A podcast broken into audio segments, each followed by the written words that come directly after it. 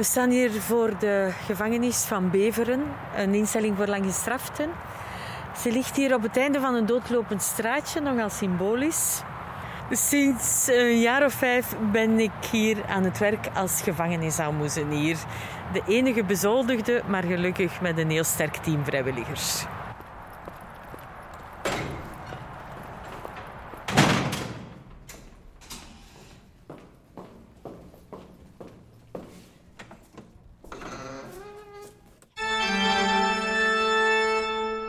Radio Kerknet. Verruimend, verstillend, verrijkend. Verhalen uit de werkelijkheid. Het verdriet van een bak is een audiodocumentaire van Radio Kerknet. Dit is de vierde en laatste aflevering.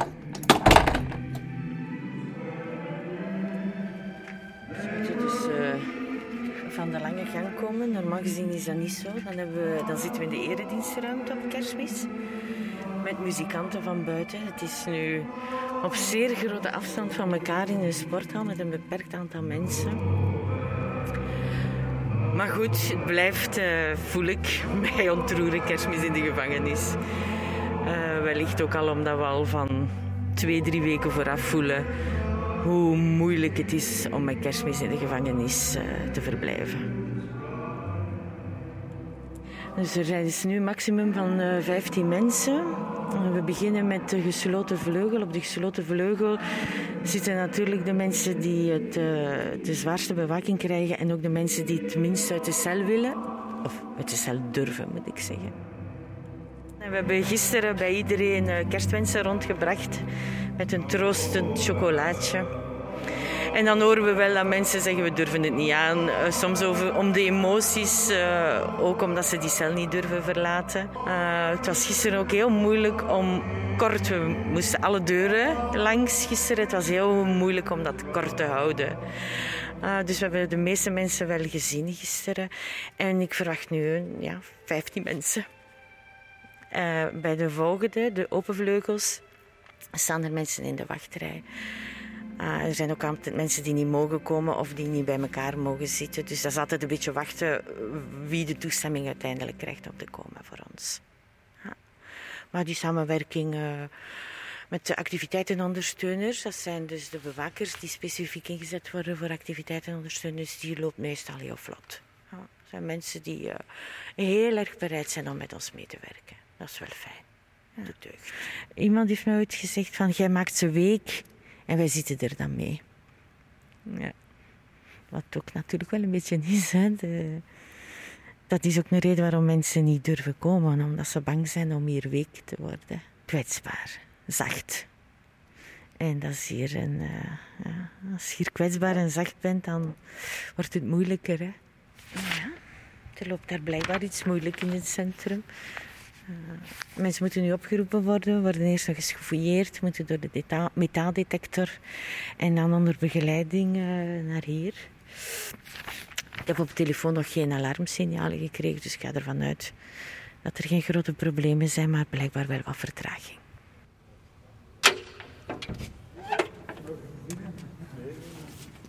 Zalig kerstfeest. Ja. Uh, Neem misschien de stoeltjes waar dat jullie het minste ver van, van ons verwijderd zitten. Goedemorgen.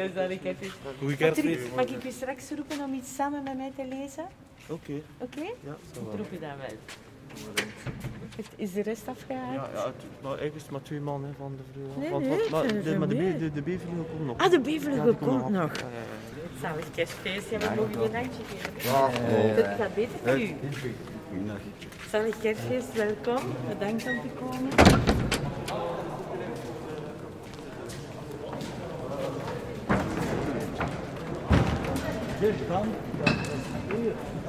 We mogen beginnen met de lied, hè. Ja. Ze zijn hier allemaal. Ze gaan stil worden van het lied. Dat is, het eerste is stil. Nee, nog een keer duwen. Ja. En nu Wat, op play. hier. En nu hier. Ja. Ja.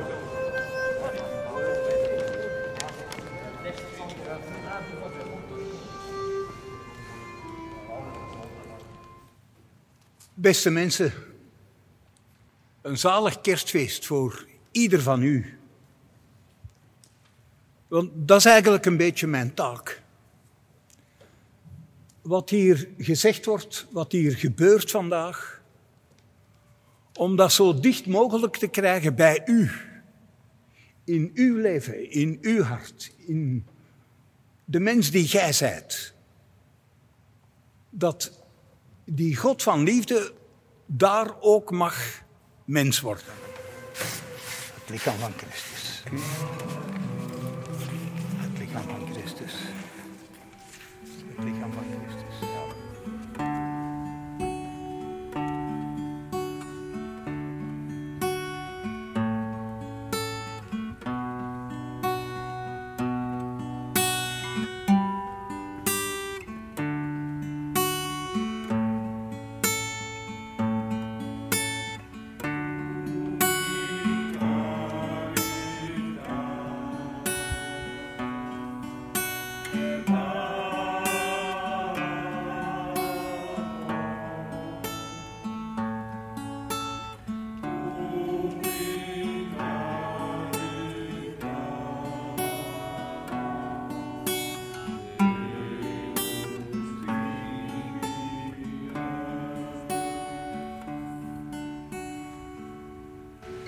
Laten we bidden voor allen die herders zijn, dat zij oog hebben voor wie achterblijft en mensen in vrede bij elkaar brengen.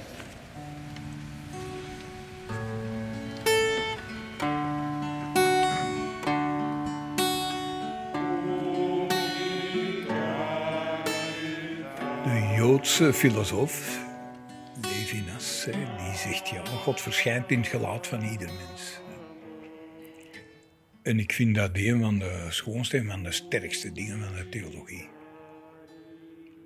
En dus ook eh, een mens die zich dat zelf niet bewust is, maar die is dat toch altijd voor mij. En ik probeer, ik probeer dat ook zo te zien. Dus eh, niet te oordelen. Altijd de mens te blijven zien. Een mens die altijd veel meer is dan wat hij gedaan heeft. Ik, erger mij altijd hoe, hoe dat ze beschreven worden. Een pedofiel of een moordenaar. eh, alsof dat niks anders niet meer is dan een pedofiel of een moordenaar. Ik kan me veel beter verzoenen met iemand die zit voor pedofilie. Er schiet nog veel meer mens over dan alleen dat. Of iemand die, die, die zit voor moord. Eh, Ja. Wij oordeelden dikwijls over, eh, over de feiten, maar ja, de achtergronden van de feiten, eh, die kennen we dikwijls niet. En het is ook niet aan ons. En dat is een van de sterke kanten van, eh, van te mogen zijn, dat je niet moet oordelen. Maar daardoor heb je de kans om de mens te ontmoeten. Die, die altijd een uitnodiging is. En er zijn zeer weinigen die, die zeggen het is niet nodig. Soms, dikwijls maanden of, of jaren later, vragen die u dan wel. hè. Ik, heb hier... eh, het, is, het is nu al meer dan een jaar geleden, maar dan, eh, was er iemand die, mij toch gevraagd had. En ik zeg, ja, ik ben niet meer bij u geweest, omdat je vorige keer gezegd had, ja, het is niet meer nodig. Ik trek mijn plan wel. hè. En ik zeg, ja, waarom vraagt je mij nu? Ja, zegt hem, mijn buur heeft gezegd, vraag dan aan moezenier, die kan zwijgen. En ik wil hier toch wel eens wat dingen zeggen. Aan iemand die kan zwijgen. En dat is ook een van de sterke dingen zo. Het kunnen zwijgen. Als ik begon, had ik eh, ook een begeleider en die zei, uw voornaamste opgave zal zijn leren zwijgen. en eh, dat is ook zo.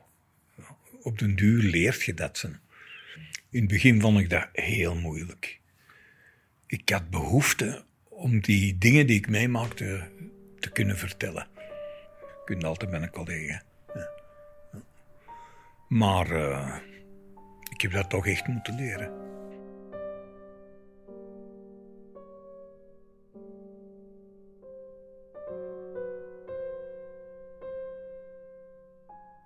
Ik ben nogal veel gaan spreken destijds hè, over uh, de gevangenis. Hè. De verborgen wereld van de gevangenis. Juist om het zicht van mensen op gedetineerden en op de gevangenis een beetje toch te nuanceren. En uh, ja, dan komt je altijd, dan had je altijd mensen die zeggen, jammer, uh, spreek het nog wat goed. Allee, dat kan toch niet, hè? Non de. Ze kwam dan altijd met de voorbeelden die, uh, die gangbaar waren. Dat schept dan het beeld alsof iedere gedetineerde, ieder gedetineerde krijgt daarvan. Als er zo een nieuw delict is dat sterk in de media komt, dat, dat straalt af op alle gedetineerden. Iedere keer opnieuw. Ja. En uh, ja, dat maakt het toch wel moeilijk om die clichés een beetje te doorbreken. Als ik dan ging spreken, had ik gewoonlijk een half uur nodig om, om dat weg te pakken. Om dus te zeggen, ja, dat bestaat, ik weet dat ook. Ik heb geleerd dat het kwaad ook bestaat. En dat er mensen zijn waar dat je van zegt, God, hoe, hoe moet dat hier verder en waar zit hier de menselijkheid? Hè? Maar soms staat het toch versteld, zelfs na een hele tijd. Komt er plots iets boven dat je zegt, allee, die heeft dat voor de neer gedaan. Dus dat je zegt, allee, zoveel zorg, met, met zo'n geschiedenis, maar toch zit er nog zoveel gevoel in om iets goed te maken, precies. Ik vind het heel erg nodig van, van mensen te blijven de goede kanten die ze hebben, van die te blijven benadrukken. Eerder dan hun altijd opnieuw maar te confronteren met, met de slechte dingen. Hè? Want de meesten zeggen ook, uh, ik ben terecht veroordeeld. Hè? Wat ik gedaan heb, ik wil dat niet minimaliseren. Hè? Maar uh, er zijn ook zeker veel mensen overstraft, vind ik zelf. En ook mensen die, die, die, die slechter uit de gevangenis komen dan dat ze er binnengekomen zijn. Juist door die goede dingen die ze hebben te weinig worden aangeboord.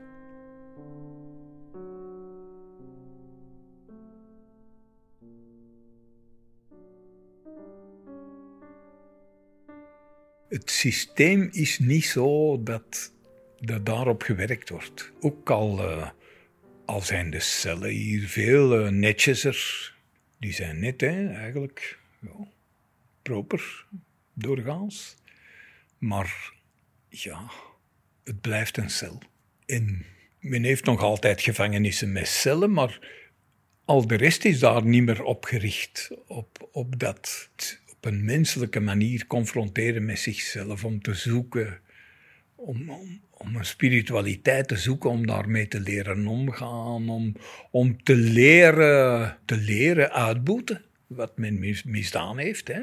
Zo was het oorspronkelijke, de oorspronkelijke bedoeling. De, de binnenkant van de straf bestaat eigenlijk nog nauwelijks. Er zijn nog mensen, af en toe kom je dat wel tegen, die dat zo zeggen.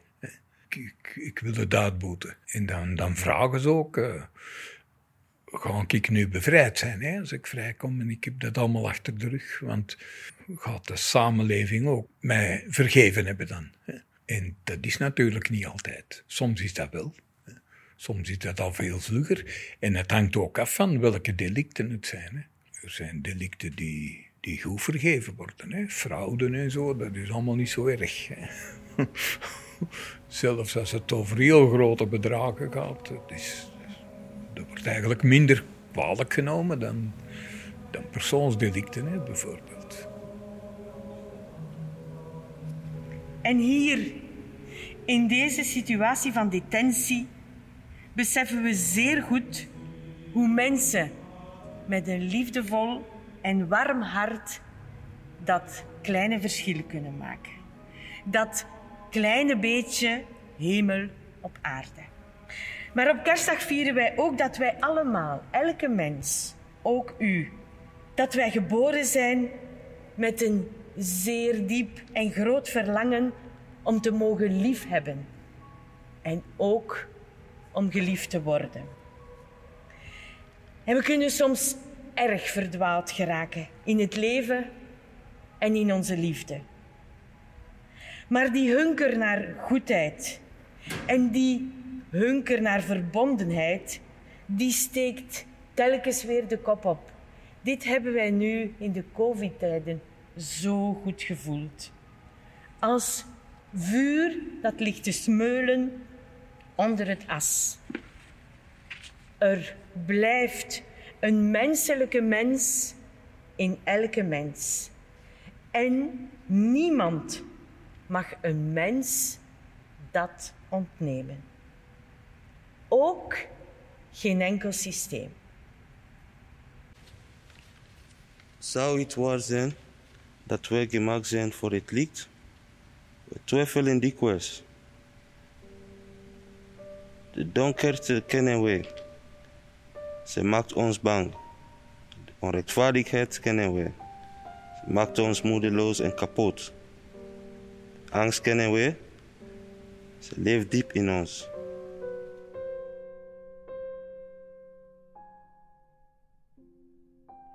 Ik ging ook destijds mee, als het uh, assiseprocessen waren, ging ik altijd mee naar het Justitiepaleis. Ik heb heel lange tijd mogen, tijdens de pauzes, bij de, de gedetineerden mogen zijn. Het is maar soms dat dat niet gebeurde. Ja, dan mocht het toch wel heel diep bij hen zijn.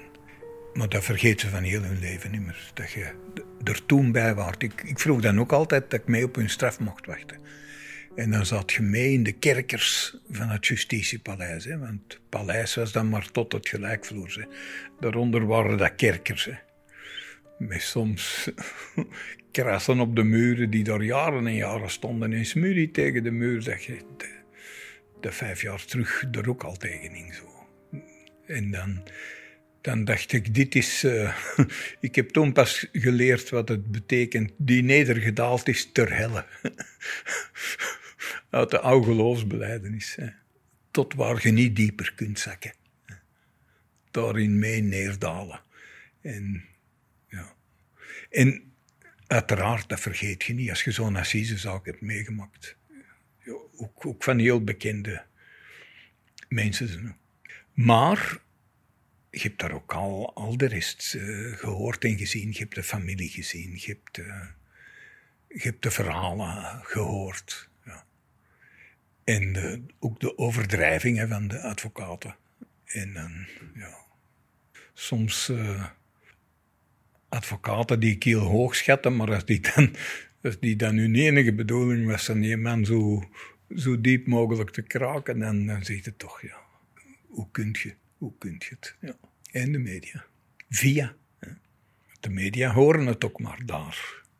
En wat ze opnemen en wat ze niet opnemen, dat is zeker zo. En zelf kun niks zeggen. Je zit aan het beroepgeheim gebonden.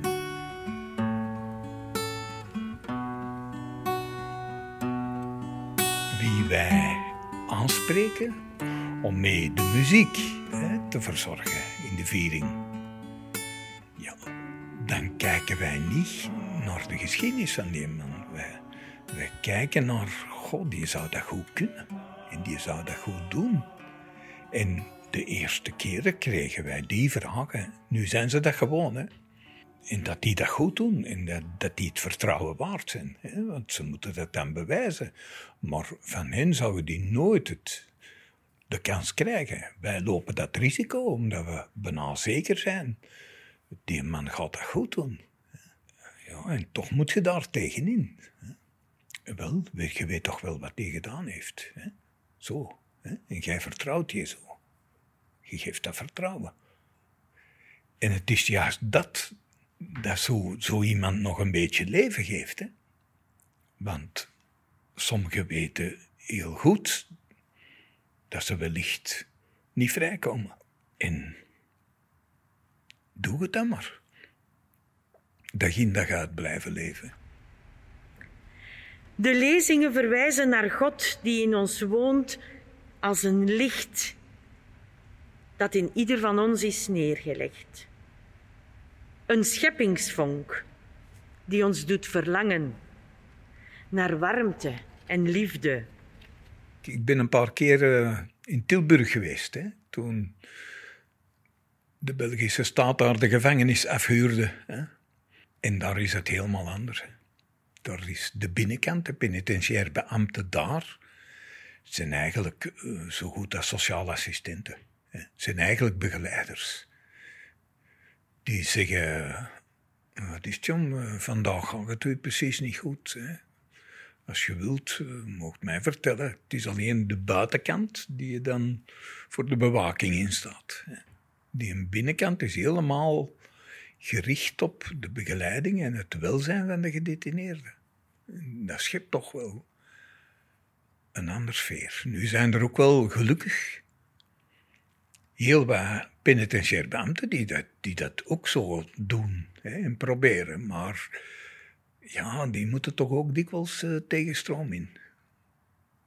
Ja, daar zijn we nog niet. Hè. Maar en iedere keer uh, staat dat erbij van uh, ja, de vorming van de penitentiair beambten. Hè. En op dat vlak uh, zou het toch nog wel wat kunnen verbeteren. Zo dat leren en ook die deontologie van ik oordeel niet. En het is ook niet aan mij om te oordelen.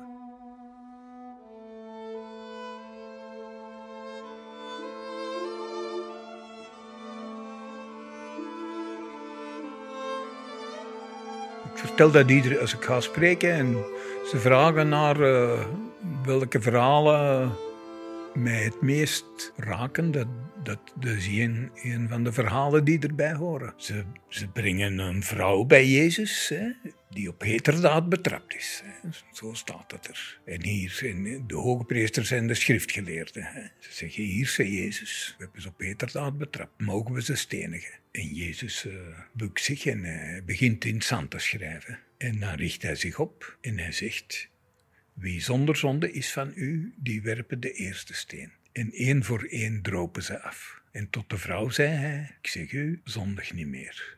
Zij krijgt van hem geen straf, want ze is al genoeg gestraft. Door, door de gemeenschap zelf. En uh, ja, dat vind ik groot, die vergeving. Ik was zo blij. Destijds de zaak van Noppe heb ik ook van heel nabij gevolgd. Ik heb ook dat proces meegemaakt. Ik heb die kinderen toen gezien en zo. Een van de medebeklaagden toen, die is pas, ik noem geen namen, hè, die is pas nadien gaan zeggen, ja, ik ben medeschuldig door het zien van die kinderen. En ik vond het ook zo mooi, jaren later, hè, toen de SURP, de strafuitvoeringsrechtbank, zeiden, ja, die mensen vragen nu om ver, vervroegde vrijlating. En de familie van Oppen heeft gezegd, voor ons is het goed. Als ze nu niet geleerd hebben, zullen ze het nooit leren. Wij gaan geen bijkomende straf vragen. Voor ons moeten ze niet langer niet meer zitten. Dat, dat vind ik mooi. En ik, ik, vertel dat ook altijd. Omdat mensen toch in staat zijn soms om uh, ja, te vergeven, om verder te kijken dan wat er gebeurd is. Om terug de mens een kans te geven.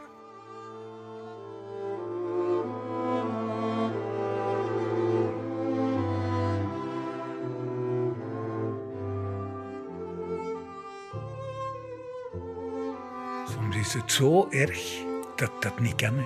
Dat ze het niet kunnen. Dat ze het niet kunnen. Ja, als uw eigen kind slachtoffer is.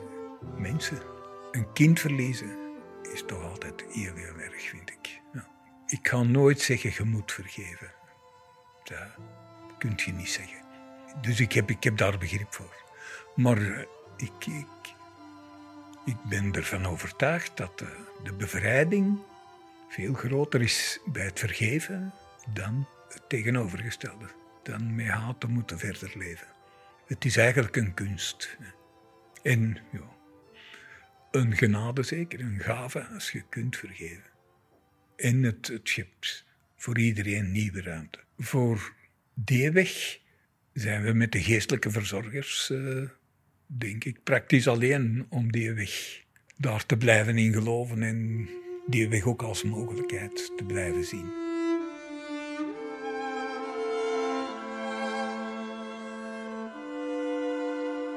We zeggen het soms, dit, is onvergeeflijk. Dat is zo'n grote stommiteit, dat is nu echt onvergeeflijk. Maar wie zijn wij hè, om uh, om zo diep te kunnen zien dat iets echt onvergeeflijk is of niet. Ik zou zeggen, principieel niet. Is er niks onvergeeflijk, is alles vergeeflijk. Want mensen die, die onvergeeflijke dingen zo, zogenaamd doen, zijn, zijn dikwijls toch mensen die eh, een bepaalde pathologie hebben, waar ze zelf ook slachtoffer van zijn. Ik geloof niet dat iemand die zelf een gave mens is, dingen kan doen die onvergeeflijk zijn. Dat geloof ik niet. Ik geloof dat dat mensen zijn die zelf zo gekwetst zijn als mens dat ze dat kunnen doen. De wetgever eh, in de strafuitvoeringsrechtbank en zo noemt dingen onvergeeflijk, een aantal dingen. Hè. Door mensen geen enkel kans meer te geven. En levenslang de straf te laten uitzitten. Mensen die zo gekwetst zijn in hun jeugd dat, ze, dat er niet veel niet meer overschiet. Ja, dat bestaat, hè. Dat bestaat. Er zit ook altijd nog een stukje vrije wil. Aan ieder kruispunt. Allee. Daar geloof ik ook in, hè. Dus uh, ik, ik geloof dat heel weinig mensen totaal gedetermineerd zijn. Maar soms is het wel, zijn, ze, zijn, ze, wel heel erg belast. Ja. Ik vraag mij dan altijd af, wie zou ik zijn in zo'n situatie? Wie zou ik geworden zijn? Moest ik dat zelf allemaal meegemaakt hebben. En daarmee lijkt het zomaar ineens kerstmis te zijn. En dan nog midden in die donkere, vervelende COVID-tijden. En ja, we kunnen ons de vraag stellen: valt er dit jaar wel iets te vieren? We vieren op kerstdag de menswording van God. En eigenlijk, mocht je nu zo een gesprek, een normaal gesprek uh, horen, wat ik doe zo, dan ga je zeggen, tja, die hebben het zo in het begin echt over koetjes en kalfjes. En dat is die gecodeerde taal van, eigenlijk geven zij op dat moment, hoor ik, de boodschap van, spaar mij. Spaar mij van die feiten. Ik weet wat er gebeurd is. Maar dus die verdringing, dat merk ik. En dat is ook dat is logisch, maar tegelijkertijd denk ik van, dat is wat ik persoonlijk denk, ja, het in de waarheid gaan staan. Tegenover wat jij veroorzaakt hebt aan leed. Dat is het begin. En ik zou bijna zeggen, gelukkig zitten ze hier lang, het zijn lang gestraften. Ze hebben daar veel tijd voor. En ik heb ook veel tijd, ik heb veel geduld, geen probleem. Maar dat is ook een proces, dat hoeft niet als resultaat gezien te worden van het werk van een almoezenier. Dat is een proces dat je met hen gaat. Maar je hoopt wel dat ze vroeg of laat de moed opbrengen om in die waarheid te gaan staan. En dat is volgens mij, nu kom ik tot mijn kern van mijn werk, hier wat ik zo als werk, als kern zie, is zo van, probeer hen die zelfwaarde te geven, dat zelfwaardegevoel, waarop ze kunnen steunen om ook te kunnen kijken naar wat er misgegaan is, wat er fout gedaan is. Dat is een, een balans van, uh, er zijn dingen behoorlijk fout gelopen in mijn leven, maar er is ook iets waarop ik kan steunen, dat is dat zelfwaardegevoel. En het is maar vanuit dat zelfwaardegevoel dat ik in staat ben, denk ik, om te kijken naar wat er in mij zit aan goed en kwaad. En dat ik ook keuzes kan maken tussen goed en kwaad. Dat ik mijn verantwoordelijkheid kan opnemen in functie van later terug vrijkomen in de maatschappij enzovoort. Ik zou zeggen, als je mij vraagt wat doet je hier, ik probeer hier te werken aan dat zelfwaardegevoel.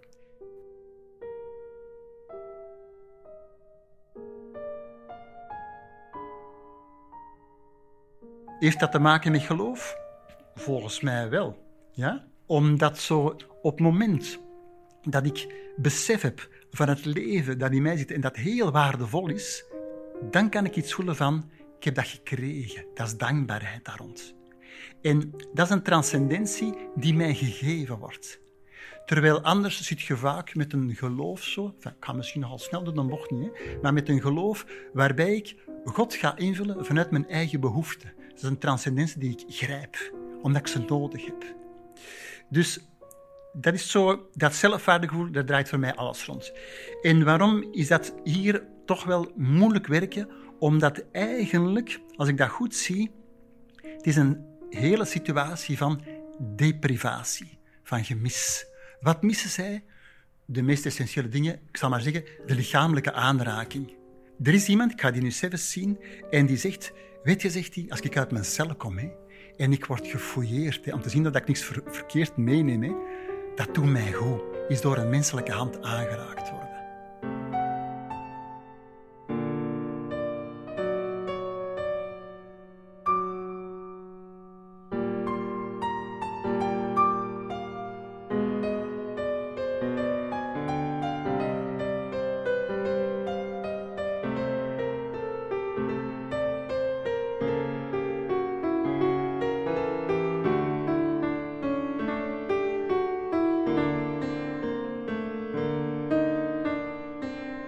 Deprivatie. Dus zij zijn niet alleen verstoken van een stuk seksualiteit hè, enzovoort, maar ook wel van die menselijke nabijheid, die warmte, die aanraking.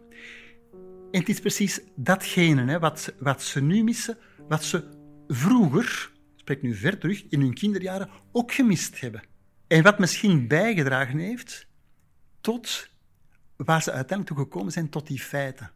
Bedoel dat, is, dat is een heel complex iets. Hè. Dat zal veel meer zijn dan genetische aanleg enzovoort. Milieu, ja, chance hebben of geen chance hebben, de verkeerde mensen ontmoeten of de juiste mensen, bepaalde ankerposten in hun leven. Ja. Maar daar zit ook in alle geval bij een bepaald gemis dat zij vaak, heel vaak, in hun kinderjaren gekend hebben. En dat gemis, dat herhalen we nu door hen in detentie te plaatsen. Dat kan niet werken. Dat kan niet. Dat kan niet. Omdat detentie, detentie vertrekt vanuit een mensbeeld dat zegt de mens is slecht. En we moeten die isoleren uit de maatschappij, want die gaat daar nog stommiteiten doen. Ja? En we gaan proberen van die in de gevangenis op betere gedachten te brengen. Maar het paradigma is, die is niet te vertrouwen.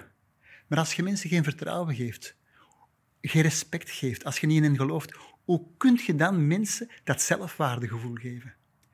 En dat hoort je ook zeggen, wij worden hier altijd bekeken vanuit dat negatieve. En er zal geen enkel rapport zijn dat zegt van, oh, knap van hem, hij heeft dit of dat gedaan. Dat positieve, dat komt nooit aan bod hier. En dat probeer ik wel te doen. Zo. Als we een gesprek hebben gehad, zo ja, dan probeer ik te zeggen van, ik merk toch dat of dat bij u. Ik vind dat knap. Je houdt de moed erin.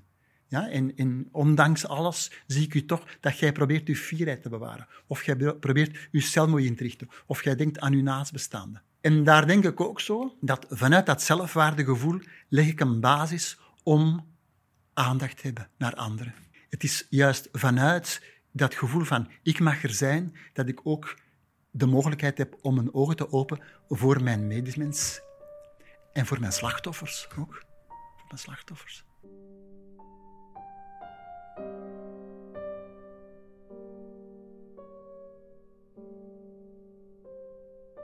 Ik heb heel mijn leven gewerkt zo met het zoeken naar wat is nu de volgende stap die mensen kunnen zetten naar hun gezondheid toe. Ja, dat is iets anders dan, dan een ziekte behandelen. Hè? Maar dat hoorde daarbij voor mij. Hè? Dus samen zoeken. Dat is ongelooflijk uitdagend. Ja? En die uitdaging die vind ik hier terug. Zo bij iedereen, dat is, dat echt maatwerk en dat is, dat is ploeteren, zeg ploeteren, ja. Proberen zoeken van wat heeft deze mens nu, nu nodig om uit die detentieschade te blijven. De schade die je oploopt vanuit het geïsoleerd zijn, vanuit het werkelijk weggeduwd worden uit die maatschappij. Dus ja, ik ben heel mijn leven arts geweest en uh, ik kijk ook nog wel met een, een zorgende bril naar mensen.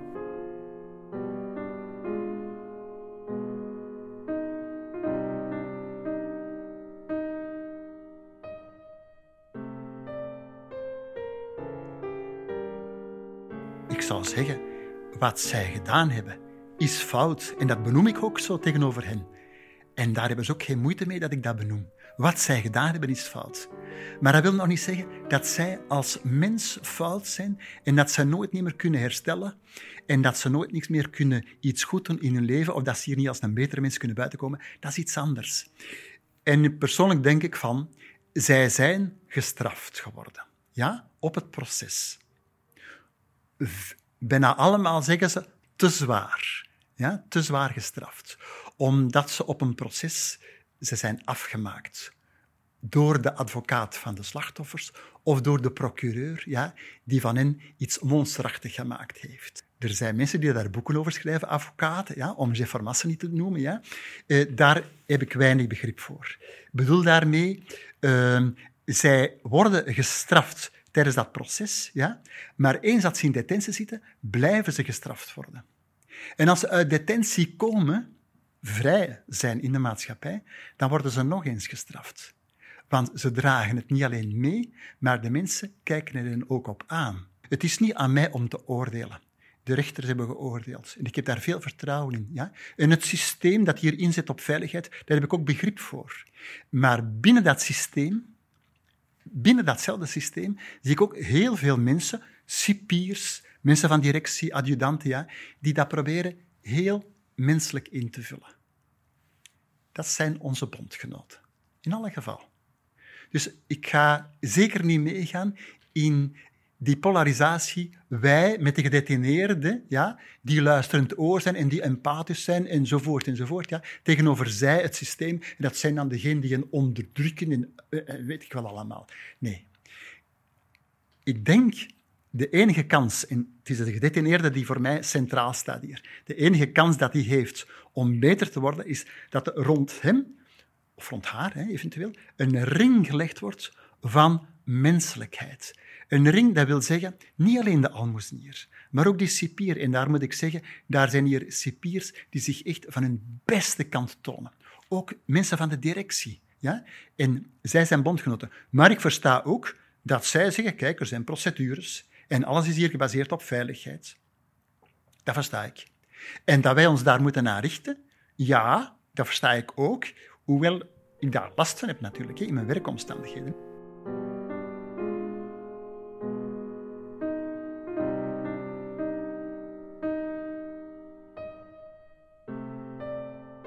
Ik heb het vaak gehad, ook in mijn praktijk als arts. Ja. Je denkt dikwijls van, oh, ja, die mensen die scheiden, die gaan er wel gemakkelijk over, of abortussen gaan er gemakkelijk over, tot je het hele verhaal hoort. Dus ik bedoel daarmee, eh, ik weet niet hoe ik zal reageren in zo'n situatie. Maar ik denk en ik hoop dat ik op dat moment eerlijk zal zijn tegenover mezelf en zal zeggen, kijk, het is een ja of het is een nee. Ofwel kan ik er overheen en kan ik die mens nog als mens zien, ofwel kan ik het niet en dan zeg ik, kijk, het lukt me niet. En ik ga, ik ga het ook niet proberen op dat moment. Het lukt me niet. En ik, ik heb mijn grenzen als altemoezenier, omdat ik ook mijn grenzen als mens heb. En op dat moment ga ik denken van, ik heb collega's die dat veel beter zullen kunnen dan ik. Ik denk inderdaad, op een bepaald moment ja, kan het kwaad zo dichtbij komen, ik zal maar zeggen, in eigen huis, ja, dat je dat veel minder gaat relativeren. En daar heb ik ook heel veel begrip voor als mensen dat niet kunnen. Of nog niet kunnen. Ik denk vergeven, ik heb daar ooit eens een boek over gelezen van, van, van Montbourquette, een Canadese psychotherapeut, pater. En daarin stond dus, dat is een heel proces vergeven. Daar moet je niet te licht over gaan. Ik zou mezelf dan ook de tijd gunnen om te vergeven en te denken, zolang ik niet vergeven heb, ga ik mij niet wagen aan avonturen met iemand waarvan ik eigenlijk denk van, hij is toch maar de schuld, hè, de schuld van dat ik zoveel moet lijden.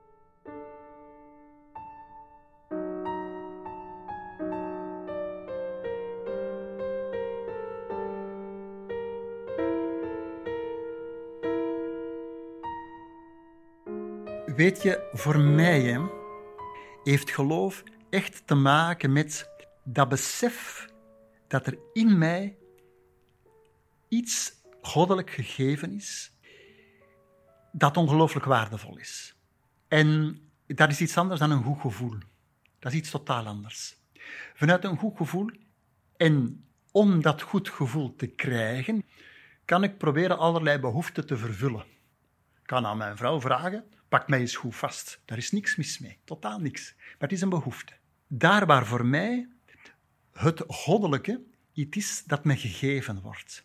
En ik wil dat gerust zeggen, hè, als ik dan dacht zo van, ja, zo, als ik gepensioneerd ben, wil ik misschien zo wel iets in doen. Zo, ja, ook in de lijn van dat zorgende. Allee, ik kende geen gevangenis. Ik was daar nooit binnen geweest. Dat is een totaal vreemde wereld. Dus je hebt daar een beeld van, maar dat op niks berust.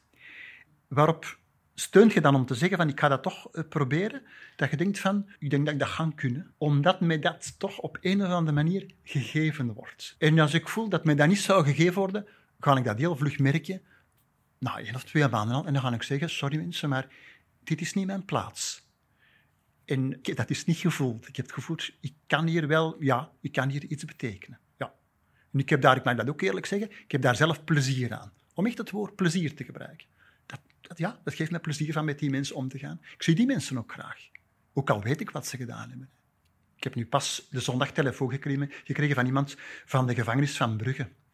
En ehm, die rekent daar eigenlijk op. En die mag daar ook op rekenen. Ik vind dat geen probleem.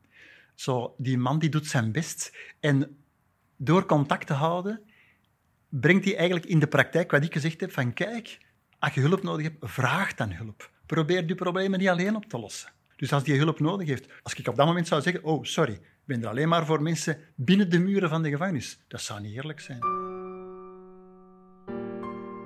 Ik heb daar ook eh, veel deugd aan.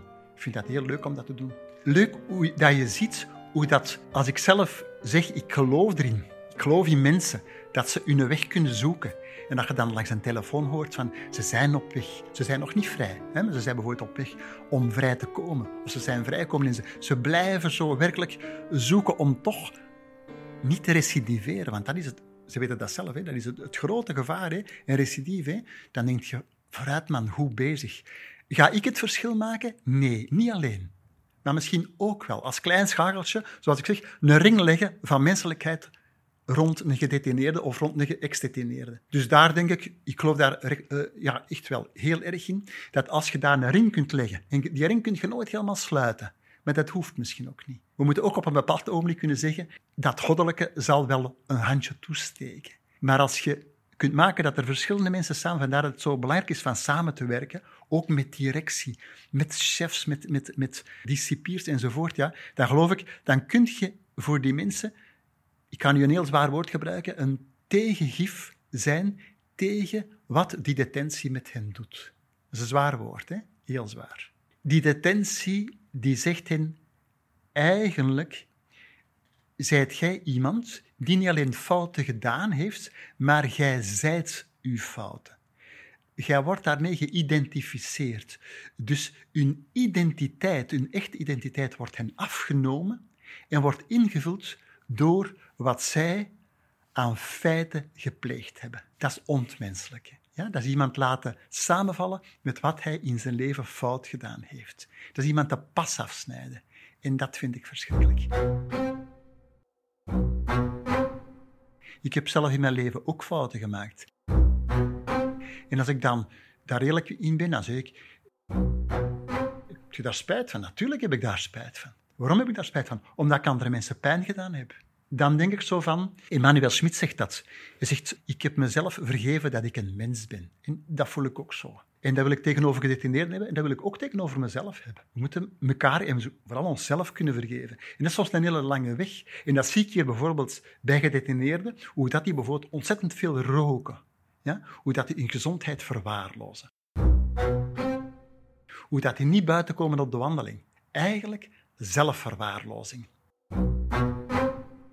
En als ik haar daar dan confronteer, kijkt er zo iemand naar mij en zegt ah ja, en dan, weet je wat je? Hij zegt zelfkastijding, zegt hij. Hij straft zichzelf omdat hij zich niet kan vergeven wat hij gedaan heeft. Ik denk, jezelf straffen in de mate dat je iets kunt goedmaken. Dus ik, ik hoor van al wat mensen hier zo van, laat mij iets goedmaken. Het is corona, ze hebben geen maskers, maar wij kunnen toch maskers maken. Laat ons dat doen iets goed maken. En daar zie ik, er zijn er die willen werken. En die willen dan afbetalen. En dan vraag ik hen, hoeveel kun je zo afbetalen per maand? En dan zeggen ze 10 euro, 15 euro. En ze hebben een schuld van 30.000 euro. Dus reken het uit. Maar dat klein beetje dat ze kunnen afbetalen, betekent toch van, ik laat zien dat ik mijn best doe.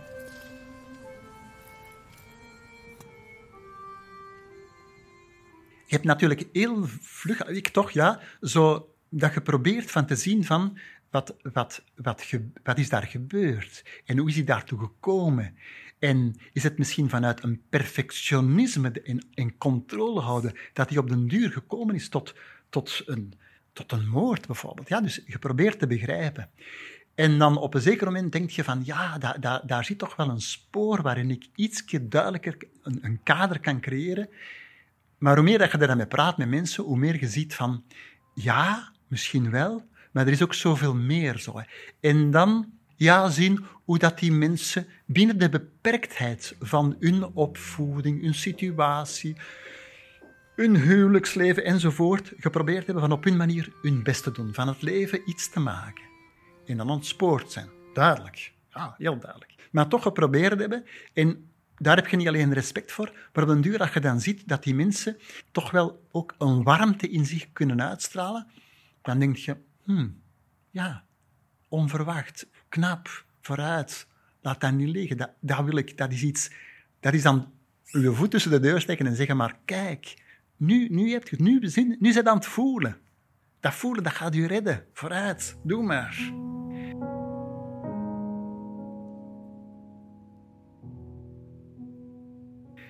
Goh, weet je, ik denk, als ik zo terugkijk naar, naar, hoe dat ik daar zelf misschien vroeger over dacht, het lijkt wel alsof dat er een rode lijn loopt doorheen de voordeur van de gevangenis. En aan de ene kant, binnen de muur, zit het kwaad dat opgesloten zit, en aan de andere kant zit het goede in de maatschappij. Maar dat is niet zo. Dat is niet zo. Die rode lijn, die scheiding tussen goed en kwaad, loopt door ieder van ons. En ieder van ons is in staat om het goede en het kwade te doen. Maar we, moeten, we zijn er wel verantwoordelijk voor. Dat is evident. Ja? Het is niet vrijblijvend wat we doen. Maar ik bedoel daarmee, misschien, misschien, voor hetzelfde geld, had ik hier ook kunnen zitten. Dat had je kunt. Een beetje minder geluk in het leven, een andere thuis, de verkeerde vrienden, eens een keer in geldnood zitten, misschien eens een keer wat aan de drugs geraken, op een bepaald ogenblik op de verkeerde plaats op het verkeerde moment komen, ja, en het is vlug gebeurd. En dat maakt mij eigenlijk mild tegenover die mensen. Zo. En dan denk ik van zo, het is vlug uitgesproken van, sluit ze op en smijt de sleutel weg van die deur. Ja, dat is vlug gezegd. Maar die mensen komen toch ooit eens vrij. En op dat moment denk ik, ja, geef ze een kans. Geef ze een kans.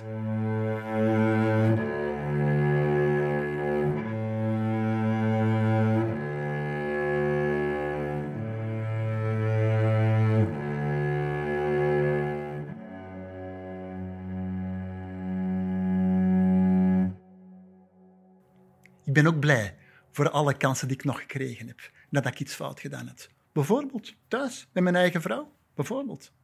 Ik heb die nooit afgeslagen, hè? dat zeg ik niet. Hè? Maar ik heb wel dingen waarvan ik denk, ik heb daar spijt van.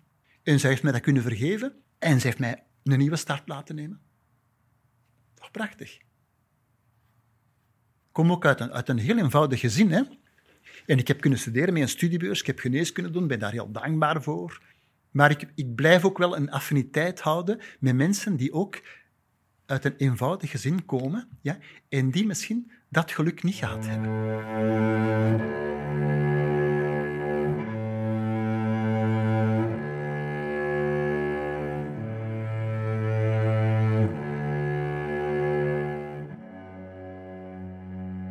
Wat ik van hen leer, dat is de onmacht. Omgaan met onmacht. Je zit daar maar, je hebt je feiten gepleegd, Ondertussen zijt je al zoveel jaren van uw vrijheid beroofd. Is uw frangval gevallen van wat er misgegaan is, ja? En weet je dat de vrijheid nog niet voor morgen zal zijn. En het dan, wat Fred zo mooi zegt, uithouden. Uithouden met hen. En dus uh, daar voelt je dan een hele onmacht rond. Ja, ik denk dat ik dat van hen kan leren zo.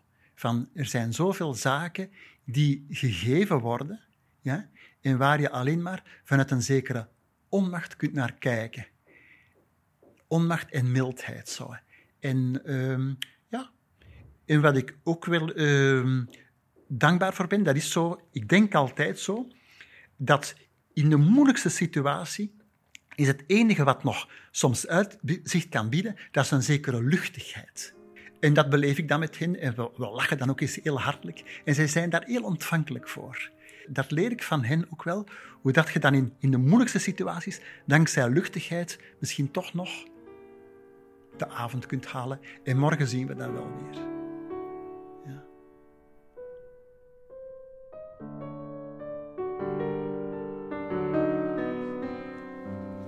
Ja, vleugel 2. C, eerst C. Eerst D. Eerst D, eerst D, zegt chef. Chef zegt eerst D. Dat is de grootste groep. Dat is de grootste groep.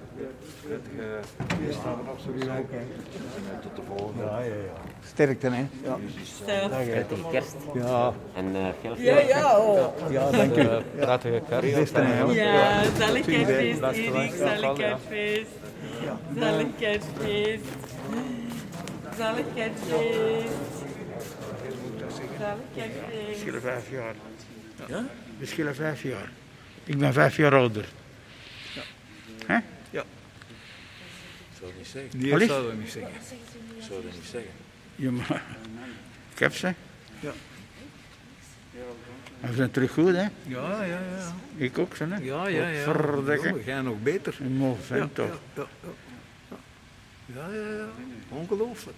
Ja, want je weet toch wat ik van plan ben, hè? Ja, ja. Ja, Je weet ja. mijn plannen, Ja, hè? ja, ja. Ik heb plannen, hè? Met ministerverlof. Want Wil ik met de fiets naar huis. hè. naar Blankenberg. Met de koersfiets. 120 kilometer. De bevrijding zo vieren. Ja. Ik ben van 40. Ik ben hier de oudste van allemaal. Van heel België. Een, een van oudste van heel België, aan het zo zeggen. Tot ziens. Houd u goed, hè? Ik, ik doe niet anders. ik, kom binnenkort vrij. ja, ja, ja. Na hoeveel jaar? Oh, dat speelt geen rol. Ik, ik, ik ben nooit niet gevangen geweest. Ik voel mij hier niet gevangen, hè. Direct weet dat, iedereen weet dat, hè. Ik heb iets gedaan dat niet mag. En ik heb me aangegeven, ik ben naar binnen gekomen, uit vrije wil. Ik zeg, je moet me beschermen. Tegenover de, de boze wereld. Totdat ze mij vergeten zijn en dan ga ik terug wandelen. Buiten. Anders ga je kapot hier. Anders kun je niet overleven. Hè. En je moet overleven. Hè. Je hebt geen keuze. Hè. Ja, zo was. Zien ze. Bedankt. ik